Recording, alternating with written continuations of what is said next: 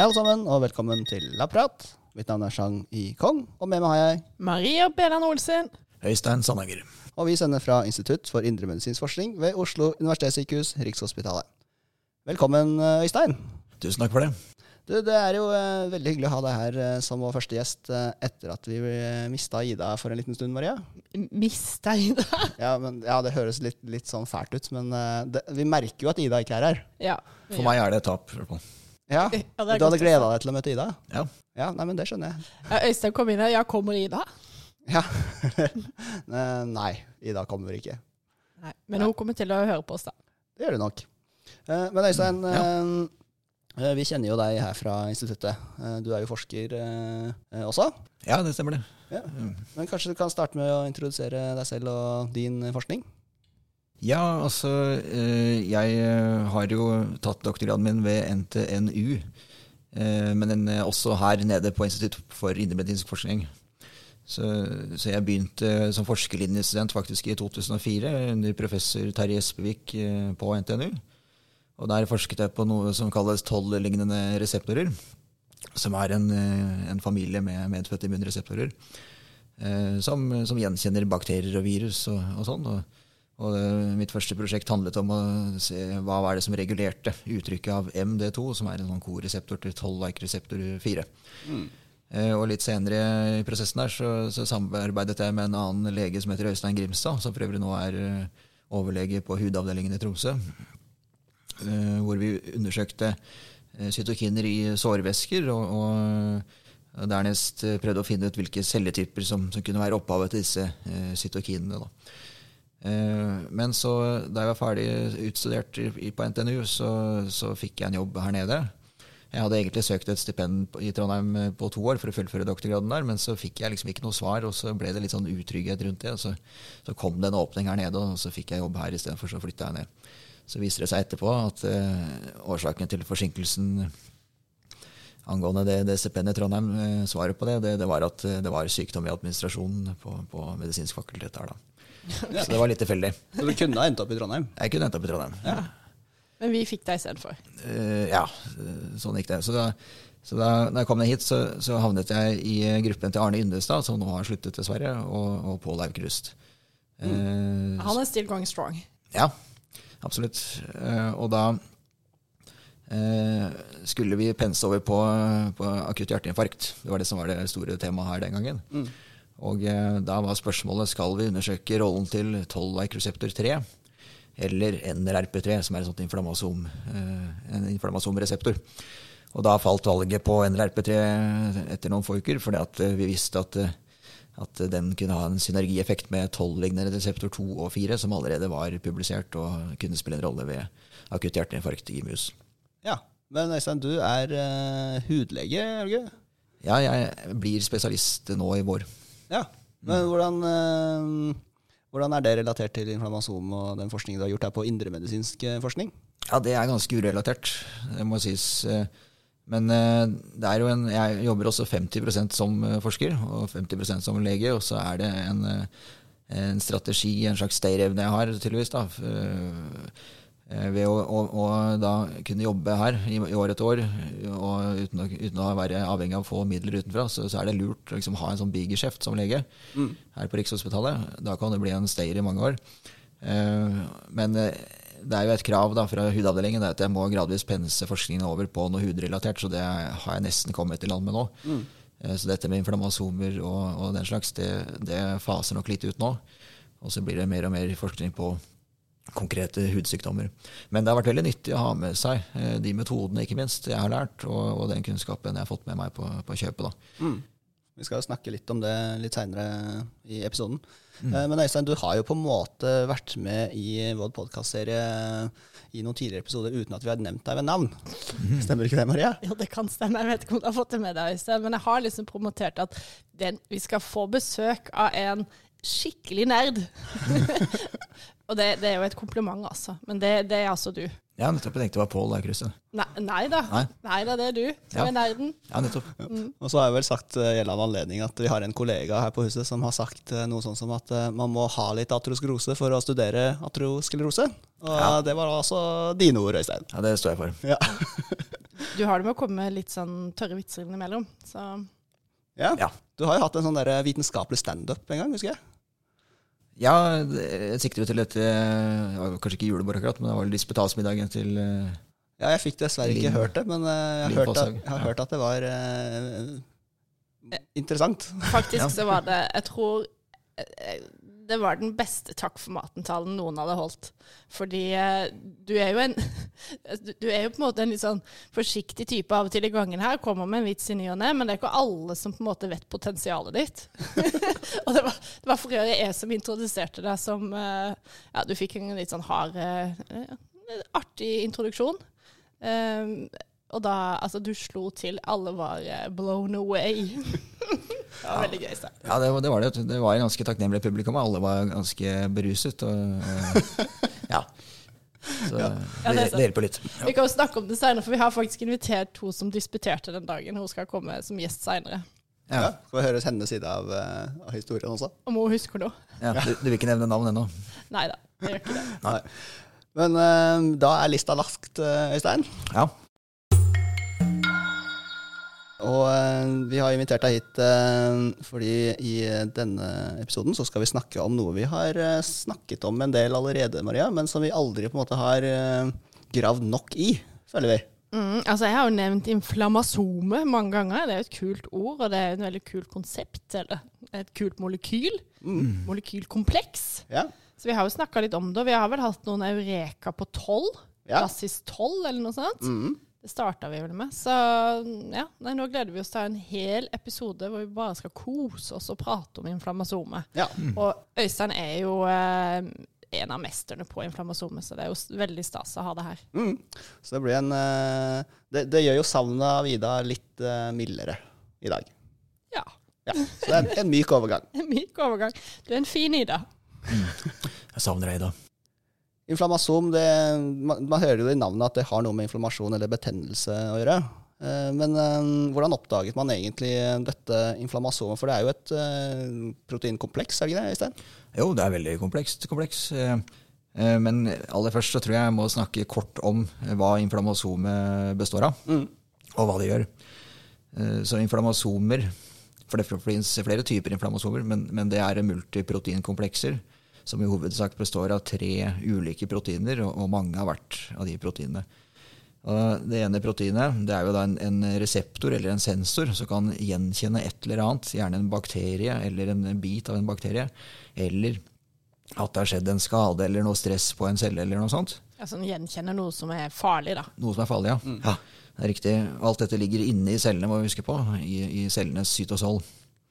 Så reseptoren vil da kunne gjenkjenne at det er noe fare på ferde, og så vil den da aktiveres og binde seg til et adapterprotein som kalles ASC, eh, som da igjen eh, oligomeriserer og binder eh, et eh, tredje protein som heter caspase 1. Olig oligomiserer, Øystein. Oligomeriserer, det betyr at eh, du får mange like proteiner bundet sammen til en lang eh, sak, eh, i dette tilfellet et slags eh, rør. Ja. Ja. Eh, og så bindes caspase igjen til dette ASK-røret, da, AEC-røret. Og så eh, også, også disse er det mange av, altså, så aktiverer disse caspase 1-proteinene hverandre. Og så har du et, eh, et aktivt inflammasomkompleks. Ja, så det er eh, flere komponenter som må eh, jobbe sammen da, før dette er aktivert. Det er riktig. Det er ganske stort øh, En ganske stor struktur. Det er jo tatt noen bilder av det med, med elektronmikroskop og sånn, og man ser at det blir en slags lang tråd egentlig med lange proteiner som, Ja. som ligger utover i, i cytosol der. Og når det, eh, caspase 1 først er blitt aktivert Caspaser er jo en proteaser som, som kløyver bestemte proteiner. Eh, så vil de kløyve noen eh, eh, såkalte procytokiner, som, som gjerne ligger i, på, på lur inni disse cellene hvor inflammasjon er aktivert. Og da er det først og fremst eh, prointerleukin 1 og prointerleukin 18 som blir delt opp og da aktivert. Eh, og I tillegg så aktiverer inflammasomene et protein kalt gastermin D, eh, som deretter danner porer i plasmamembranen, slik at interleukin 1 og 18 kan slippe ut. Ok, så da Så du, det du sier nå Jeg må alltid oversette litt det her, Øystein. Men da, du får noen hull, eller noen bitte små hull i cellemembranen. Og gjennom det så skytes da de her aktiverte cytokinene. Mm. Det er riktig. Hullene er egentlig ganske store, sånn, Ah, ja. sammenlignet med andre hull som også finnes. sammen. Ja. Ja. Så cellen kan faktisk dø av dette her. Okay. Og, og mye av innholdet kan lekke ut, og, og cellen kan da gjennomgå en slags form for celledød som vi kaller for pyroptose. Mm. Og det er et veldig kraftig betennelsessignal også. Så i tillegg til å skille ut disse cytokinene, eh, som kan reise langt av gårde og påvirke hele kroppen, så, så blir det en veldig kraftig betennelse lokalt der hvor inflammasomer er aktivert. Så litt det sånn celler der først så skriker den fare, fare, og så bare sprekker hele cella, på en måte. Ja, den skriker høyere og høyere, kan du si. Så blir det sånn vræl hvor den vrenger seg. Ja. Og eh, denne dannelsen av inflammasjon er på en måte det som starter det hele. da. Det er riktig. Ja. Um, Hvordan er det det reguleres? For som du sier, en celle um, kan jo dø når eh, inflammasjon aktiveres, og, og det vil jo skape en lokal inflammatorisk, eh, et lokalt inflammatorisk miljø rundt Mm. denne cellen. Så dette må jo reguleres ganske strengt for at ikke dette skal gå av sånn på måfå rundt omkring i kroppen. Um, Så hvordan er det det reguleres? Og er det bare hvite blodceller som eh, benytter seg av denne maskinen? Ja, For å ta det siste spørsmålet først, eh, så er svaret nei. Altså, det er mange celler som eh, er blitt vist å kunne hoste opp eh, inflammasomaktivitet. Men dette er altså strengt regulert, fordi stor aktivitet kan gi stor skade. Og det, det viser jo også disse autoinflammatoriske sykdommene som, som noen mennesker dessverre har fått.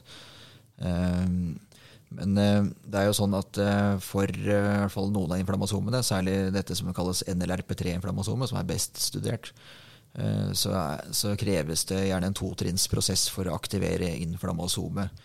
Hvor trinn én er at eh, en celle må stimuleres via f.eks. toll-lignende reseptorer eller andre reseptorer som, som eh, da fører til at du får et genuttrykk av NLRP3. Altså NLRP3 er gjerne ikke eh, uttrykt i det hele tatt i utgangspunktet.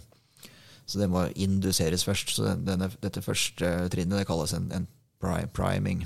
Så mm. får først må du få et signal om at ok, her er det noe på ferde. Vær klar. Ja, det kan du godt si. Så eh, vi kan jo se for oss at du har fått eh, noen eh, molekyler fra en bakterie i et område. Men det kan jo være helt ufarlig. Men da, da blir cellene primet. De lager NLP3, har det klart. De lager proilen beta, har det klart. Mm. Litt som å lagre ammunisjon. Litt som å lage ammunisjon, ja. Og bensin og den slags. Ja. Og så, eh, hvis ikke det skjer noe mer, så stopper det der. Mm. Men hvis det skjer noe mer, altså hvis en celle dør, eh, så vil det komme ut eh, molekyler som skulle vært inni cellen. De vil da havne på utsiden, og og det vil være et signal til som da kan aktivere særlig dette NLRP3-inflammasomet.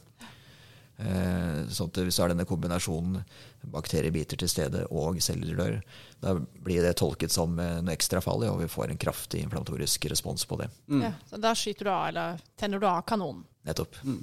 Synes det er et veldig fint sånn eksempel på hvordan eh, cellene kontrollerer sånne events. Da.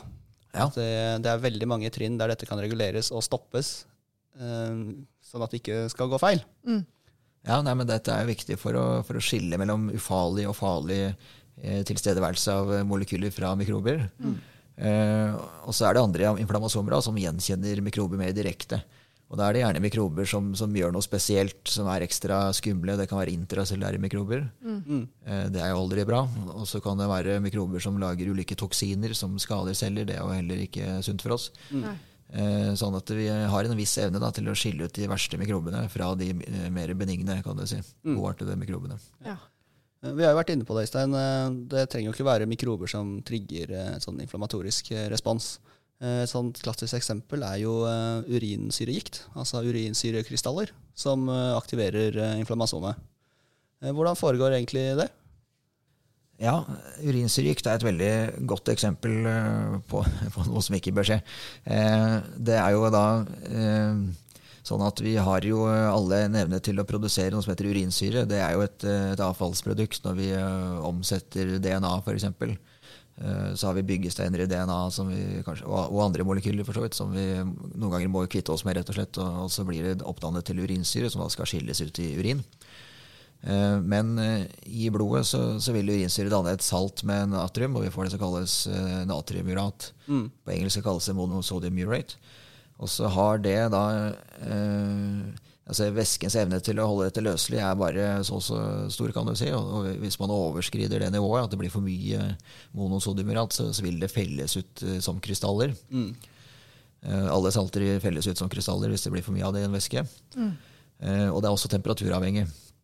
Og da er det dessverre sånn at eh, i f.eks. leddvæske, f.eks. på beina, så er temperaturen gjerne lavere enn i blod. Mm. Sånn at når eh, eh, natriumurat eh, kommer ut der, så, så har det lettere for å felles ut som krystaller. Det er også andre forhold i leddvæsken som bidrar til det, men temperaturen er en viktig ting. Ok. Eh, og da eh, er det dessverre sånn at eh, når krystallene havner her, så, så har de en evne til å utløse en eh, metellelsesreaksjon. Mm. Eh, og det er mange celler som kan fagocytere, ikke bare hvite blodceller. Og også inni leddet så vil cellene som, som, eh, som eh, dekker innsiden av leddet, kan du si, de vil reagere med disse krystallene. Mm. Og det kan aktiveres inflammasomer i disse cellene her. Og man får Så da spiser, altså når du sier fagocytere, så vil det si at det er en del celler som spiser de her krystallene, Ja. og da blir, aktiv, blir inflammasomet aktivert. Det er riktig. Sånn at, jeg kan gå litt i detalj på det straks, men, eh, men de, de første cellene som blir aktivert, de vil da først og fremst rekruttere hvite blodceller til området, som da spiser opp eh, forsøksvis resten av krystallen, da, og, og det blir en veldig kraftig betennelsesrespons. Mm.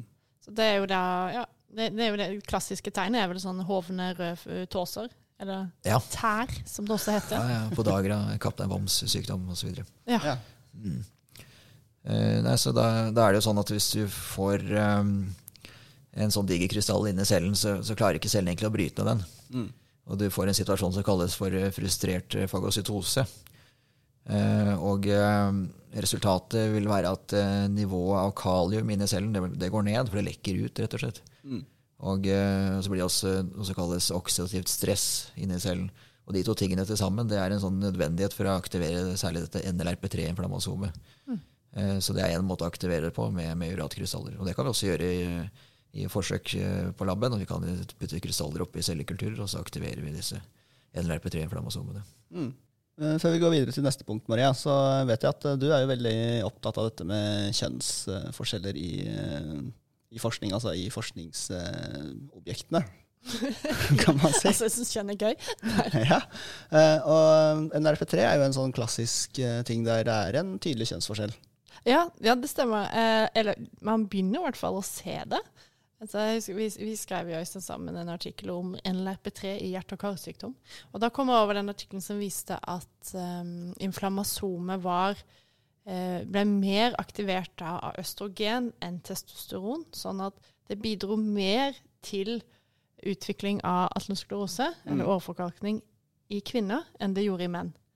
Ja, også, også så har jeg vel også lest at det kan, det kan kanskje være litt kraftigere reaksjon i menn, men at den kan være mer langvarig i kvinner.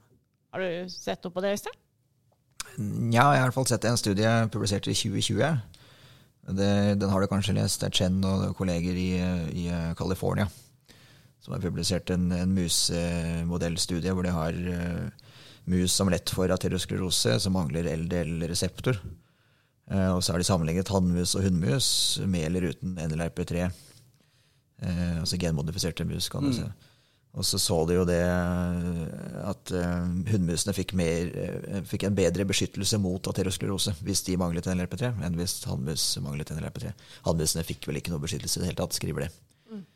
Eh, sånn at det hjelper å, å blokkere NLP3-funksjonen i hunnmus, men ikke i hannmus. Ja. Ikke bare det, men de tok også og kastrerte disse hannmusene, Mm. noen av de, og, og fant ut at da var det en, eh, beskyttende effekt å mangle NLP3 Nettopp. mot aterosklerose. Og motsatt, hvis de fjernet ovarene på hundemus, så mistet de beskyttelsen ved å mangle NLRP3. Mm. Så det viste at det var direkte relatert til eh, kjønnshormonene. Ja, det er det de konkluderer med. Mm. Men vi er jo hjertekarfolk hjerte-kar-folk, eh, stort sett. Eh, og urinsyregikt er kanskje ikke så relevant for hjerte-kar? Eller hva, Det er jo Ja, nei, ikke si det. Hvis du får det, så blir det relevant for deg òg. Men uh, vi er jo mer interessert i kolesterol. Ja. Og uh, kolesterol kan jo også danne krystaller når det kommer i store nok mengder. Absolutt. Og uh, de aktiverer også inflammasomet, ikke sant? Det er riktig. Så det blir på samme måte da, at uh, makrofagene eller cellene spiser det, og så blir de aktivert.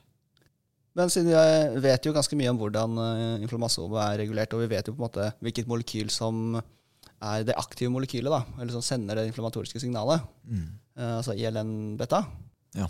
eh, så har det jo det dannet grunnlaget for en del sånne eh, studier der man prøver å dempe inflammasjonen, altså dempe inflammasomet. Ja. Eh, er det noen eh, sånne store studier vi kan referere til? Altså det største, altså det største studiet som er gjort, er vel Kanto-studiet. Ja. Ja. Hva var det du gjorde der? Da, ja, altså, det vet jo sikkert Øystein alle detaljene om, men de ga jo en uh, ILM-beta-hemma gjorde de ikke det, til en haug med folk. Jo, jo, Og så ja. klarte de for første gang å bevise at ved å hemme inflammasjon, så de, klarte de å dempe dødeligheten da, av, uh, av hjerte-karsykdommer. Stemmer det, Øystein? Eh, du, det stemmer nesten. Stemmer nesten. Jeg kan, jeg kan jo kort eh, summere opp. altså Kantos er jo et akronym for Canakinumab Anti-Inflammatory Thrombosis Outcome Study. Og Canakinumab det er et monoklonalt antistoff mot IRN-beta. Denne studien den startet i 2011 og ble publisert i 2017. Og Det inkluderte 10.061 pasienter som hadde hatt et hjerteinfarkt, og som i tillegg dette er viktig, som i tillegg hadde en målbar CRP på over 2 mg per liter. Altså, de hadde litt grann betennelse pågående der. Ja, for, for det som ligger til grunn her, er at man har jo lenge tenkt at aterosklerose ja, det er en kronisk inflammatorisk sykdom i kar. Og, og da plukka de ut pasienter som har hatt et hjerteinfarkt. altså De har åpenbart hatt aterosklerose. Og i tillegg så har de en pågående lavgradig inflammasjon i kroppen. Så disse, og da 10 061 av dem, ble da inkludert i studien. Hvor det ble randomisert én til én til én til å få enten eh, placebo eller dette antistoffet mot ILN-beta i tre forskjellige doser. Eh, og da, det var da henholdsvis 50, 150 og 300 eh, milligram var det vel eh, det går i. Eh, hver tredje måned. Og så fikk de det i fire år. Og så var formålet å se om man kunne forebygge nytt hjerteinfarkt, eh, hjerneslag og død eh, som følge av kardiovaskulær sykdom. Og så, eh, når man ser på resultatet, så viste studien eh, at eh, behandlingen den senket jo ned CRP. Det er fint. Og eh, nivået av kolesterol i blodet ble jo ikke påvirket. Eh, Sånn at effekten var da, tror man i hvert fall, kun via å dempe inflammasjon, ikke ved å, ikke ved å endre på, på mengden eh, lipider i blod, f.eks.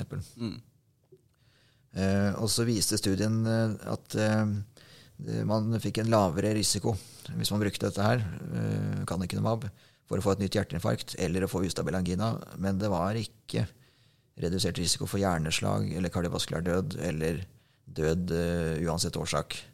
Sånn at um, man fant ikke en redusert risiko for død, da. Kun for hjerteinfarkt og angina? Ja. Ja. OK.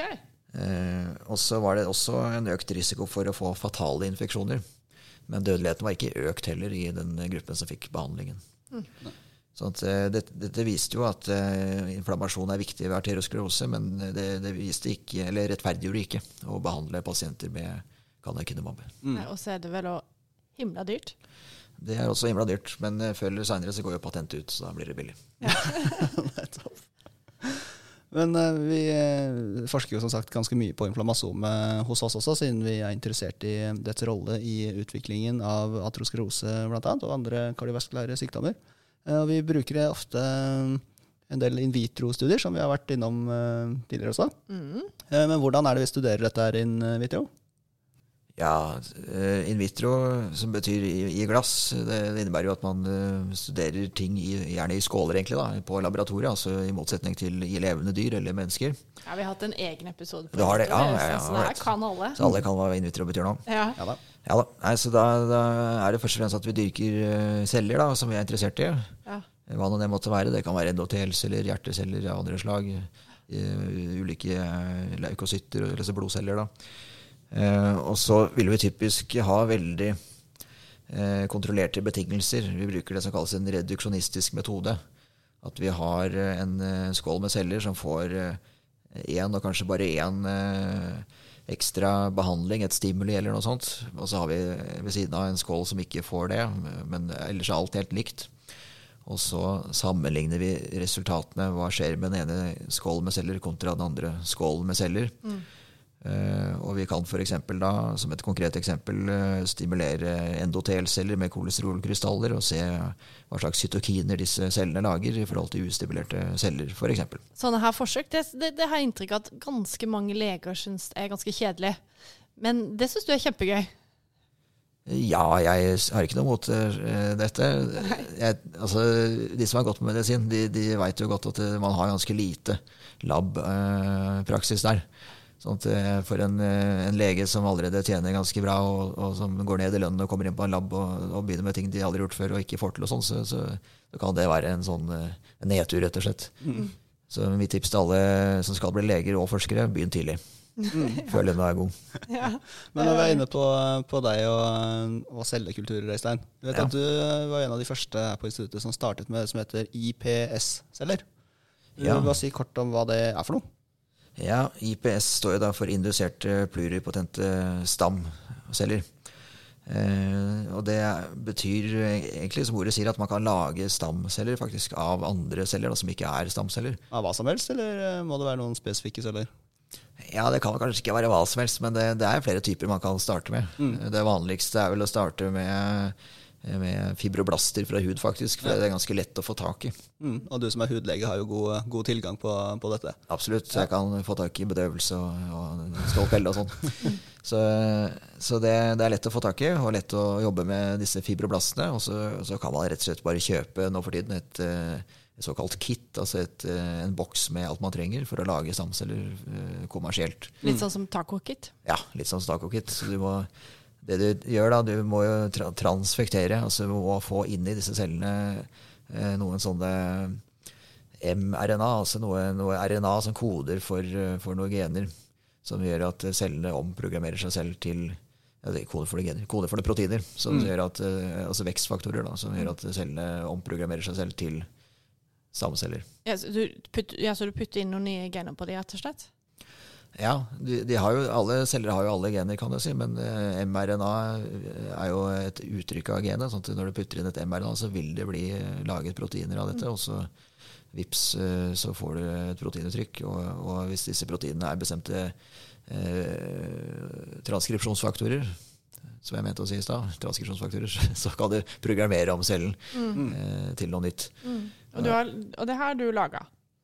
Det har jeg laget etter en oppskrift uh, som fulgte med kit, ja. Mm. Uh, og før det så fikk jeg hjelp av noen andre som kunne det, til å lage det for meg. Mm. Men uh, disse stamcellene du, du, lager på laben, kan de omprogrammeres til hva som helst etterpå? Altså Vi lærte jo i en tidligere episode at vi har omtrent 200 ulike celler i kroppen. Er det sånn at vi har en oppskrift til alle disse, eller er det bare et brøkdel av de vi kan lage fra disse stamcellene? Ja, det er publisert oppskrifter på, på en, en, del celletyper, men du kan ikke, lage hva som helst. Eh, så det er mulig jeg må mulig jeg tar feil, da, men eh, jeg gjetter på at f.eks. Eh, T-lymfocytter mm. At den kan være vanskelig å lage sånn. Jeg har ikke klart å finne oppskrift på den ennå. Eh, fordi eh, disse cellene skal gjennom en ganske kompleks modningsprosess i, i tybus og interagere direkte med andre celler underveis. og sånn, Så det er mm. vanskelig å fjorte i en skål. da. Mm. For der har du jo bare én celletype, nemlig den du begynner med. Eh, men jeg har laget noe som heter monocytter, eh, som er mye enklere.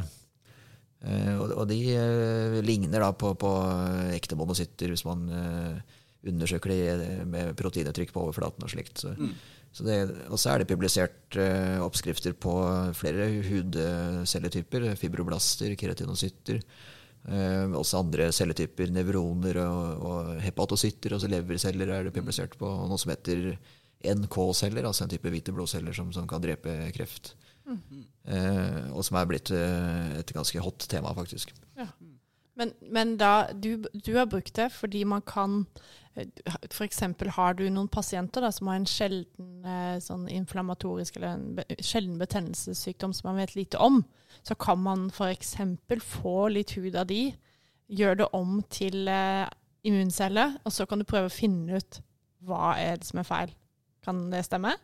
Ja, det, det er jo en uh, morsom inngangsport på en måte til, til stamcelleforskning, eller hva man skal kalle det. Men uh, ja, så hvis du har en, en pasient som har en, en sjelden genetisk sykdom, uh, så, så, kan man lage stamceller av de. Det er ikke så vanskelig, det. Man må selvfølgelig søke i rekke og ha alt det formelle på plass. Men Eh, og så kan man, hvis man er heldig, da, klare å programmere om stamcellene til en relevant celletype å forske på. Så vil du da få en, en eh, slags uh, ubegrenset mengde av, eller i hvert fall tilgang til da, en ubegrenset mengde celler som du kan forske på. Uh, og utforske denne mutasjonen, eller dette proteinet da, som mutasjonen påvirker. Og kan det stemme at du også har uh, laga celler fra deg sjøl? Ja, de lagde jeg ikke selv, men noen har laget celler fra meg. Det er riktig. Ja. Ja, har du de på laben ennå? Jeg har det i fryseren, ja. Er, det, ja. er, det, er det sånn at du er ekstra gode med dem? Altså, har du, favoriserer du dem eh, når du forsker med dem? Nei, nå er det lenge siden jeg har brukt dem, faktisk. Eh, Men jeg bruker dem som såkalt frisk kontroll. Jeg ser jo på meg selv som en ganske frisk person. Men det, det bringer meg litt videre, for at eh, det er en stor ulempe òg med denne metoden. Altså hvis du, hvis du har, lager en, en stamcellelinje fra en pasient fordi denne pasienten har en mutasjon som er interessant, så har du egentlig ikke noe god kontrollcellelinje. Eller for at det, du, eh, hvis du lager stamceller fra en annen som er frisk, så, så er den genetiske forskjellen eh, eh, betydelig. Eh, mye mer enn det er i dyrestudier, f.eks. Mm. Hvor vi har såkalt, eller så å si identiske mus som er hva skal vi si, innavlet. da. Ja, Så da måtte du kanskje ha hatt et familiemedlem da, som ikke hadde sykdommen eller noe sånt?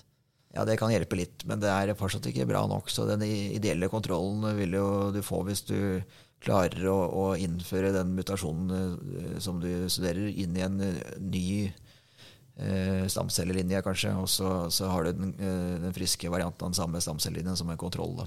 Det vil nok være det beste. Ja. Eh, eller du kan prøve å reparere genet i, i den syke stamcellelinjen din, men det er mye vanskeligere. ja. Så kompliserte greier sånn generelt. Ja. Men en ting til som stamceller kan brukes til, som ikke vi gjør nå, men som eh, kan være interessant i, i, for flere her på Rikshospitalet i framtiden, kanskje, det er jo å drive med det som kalles regenerativ medisin. Mm. Altså Du kan jo eh, generere f.eks. hudceller da, til en eh, person som eh, har en hudsykdom hvor eh, man trenger eh, stadig nye hudceller, og, og kan kanskje ikke få nok av det. altså, og, og hvis man er heldig, så kan man til og med kunne korrigere en genfeil i disse cellene som man har eh, in vitro, og lage hudceller som pasientene kan få som en slags celleterapi. Regenerativ celleterapi. Er det langt unna? Ja. Ja. Ok. Men, men det kommer? Eh, Jeg har i hvert fall søkt noen midler, men det, det, det spørs. Vi får se. Okay, Ja. Yes, men dette har vært en uh, veldig lang og interessant prat om inflammasome, Øystein. Takk, takk for det. Lenger, jo vi- bedre. Ja, før, vi, eh, før vi avslutter, Maria, kanskje vi skal ta en liten sånn kort oppsummering av det vi har snakket om i dag? Ja, altså sånn veldig kort. Kan, eh, altså generelt er det kjempepotent. Det er som en kanon. Som må, eh, men du må først lage kanonkulene, og så blir de skytta i cella. Og da kan den sprenge seg sjæl. Det er som en liten atombombe inni der. OK, er vi med det? Også ja, Øystein eh, har brukt mye selvkultur når han har studert eh, inflammasomet. Og han har også på laben celler av seg sjøl, som for øvrig eh, jeg kaller fu, fu, fuceller, da, for jeg vet at eh, de eh, de cellene de starta på, ja, som, som hud på fua til Øystein. Ja, Og for alle som ikke er fra Arendal, så betyr fu eh, Eh, rumpe. ja. Å ja, da må jeg presisere, det er faktisk fra helt nederst på ryggen. Å ja. jeg har gått rundt og trodd at det var fuceller hele tida, Øystein. Ja, nei, lenderygg er kanskje Det er, det er liksom i, øh, over, helt på grensa. Ja, overgangen der. Overgangen der. Ja, ja, men den er god. Yes. Um, vi er jo eh, nå kommet til eh, siste punktet på eh, episodens program, som er Eureka, som vi pleier å ha avslutningsvis. Eh, men denne uka har vi en liten twist på det, Maria. Det stemmer, fordi nå, eh, ja, nå er jeg lei. Nei da. Nei, vi har en liten twist på det, Øystein, rett og slett fordi vi hadde lyst til å prøve noe nytt. Ja, eh, og jeg kan jo si noe om bakgrunnen for dette. For dette startet jo eh, med at eh, Øystein, du fikk jo da en norsk kjendis live på radio til å vræle et dikt av Haldis Moren Vesaas. I eh, 2016, lurer jeg på om det var. Ja, du, det er jeg veldig stolt av, faktisk. Ja, det var da Atle Antonsen som vrælte diktet 'Ord over grind'. Eh, på da deres podkast og radioprogram da Misjonen på P4. Nettopp. Eh, og Øystein, jeg har prøvd å komme i kontakt med Atle Antonsen for å spørre om han ville ønske seg et eh, dikt vrælt av Øystein Sandanger. Yes. Han svarte ikke. Nei. Eh, Men fortvil ikke. Eh, Maria og jeg vi har eh, skrevet et lite dikt eh, om eh, betennelse, Oh ja, yes. som vi eh, håper du har lyst til å vræle for oss. Jo, det vil jeg veldig gjerne gjøre. Så eh, hvis det er noen av våre lyttere som kjenner Atle Antonsen, så eh, gjerne tips han om at eh, vi har fått Øystein til å vræle dette diktet for oss i dag. Vi kan gjerne få tilbakemeldinger på den kunstneriske, kunstneriske fremførelsen. Ja, Gjerne terningkast. Mm, det betyr mye for meg. Ja, Vi kan jo si litt om diktet, da, for vanligvis så mm, tar jo Eureka for seg noe vitenskapelig. Ja. Eh, og dette diktet her skal handle om de fem symptomene ved inflammasjon. Ja, og det vet du sikkert hva er, Øystein. Ja, rød, tevelse, varme osv. Ja. Ja. Smerte. Ja, ja. Så uh, dette diktet handler om da disse fem uh, symptomene. nettopp. Så uh, jeg tenker at vi nå bare sier ha det bra, og så setter vi på en jingle, og så sier vi vær så god til Øystein. Og det siste symptomet, det er nedsatt funksjon. Riktig. Ok, så tusen takk for at du har kommet til oss, Øystein. Veldig hyggelig å få være her. Tusen hjertelig takk. Og så eh, må vi bare minne våre lyttere om at dere må følge oss på sosiale medier. Facebook, Twitter og Instagram. Og så blir vi veldig glad hvis dere gir oss en rating når dere hører på vår podkast, sånn at enda flere kan finne podkasten vår. Vi skal jo på laben eh, alle sammen eh, inntil neste gang vi møttes. Oh yeah. Så da høres vi. Ha det. Ha det.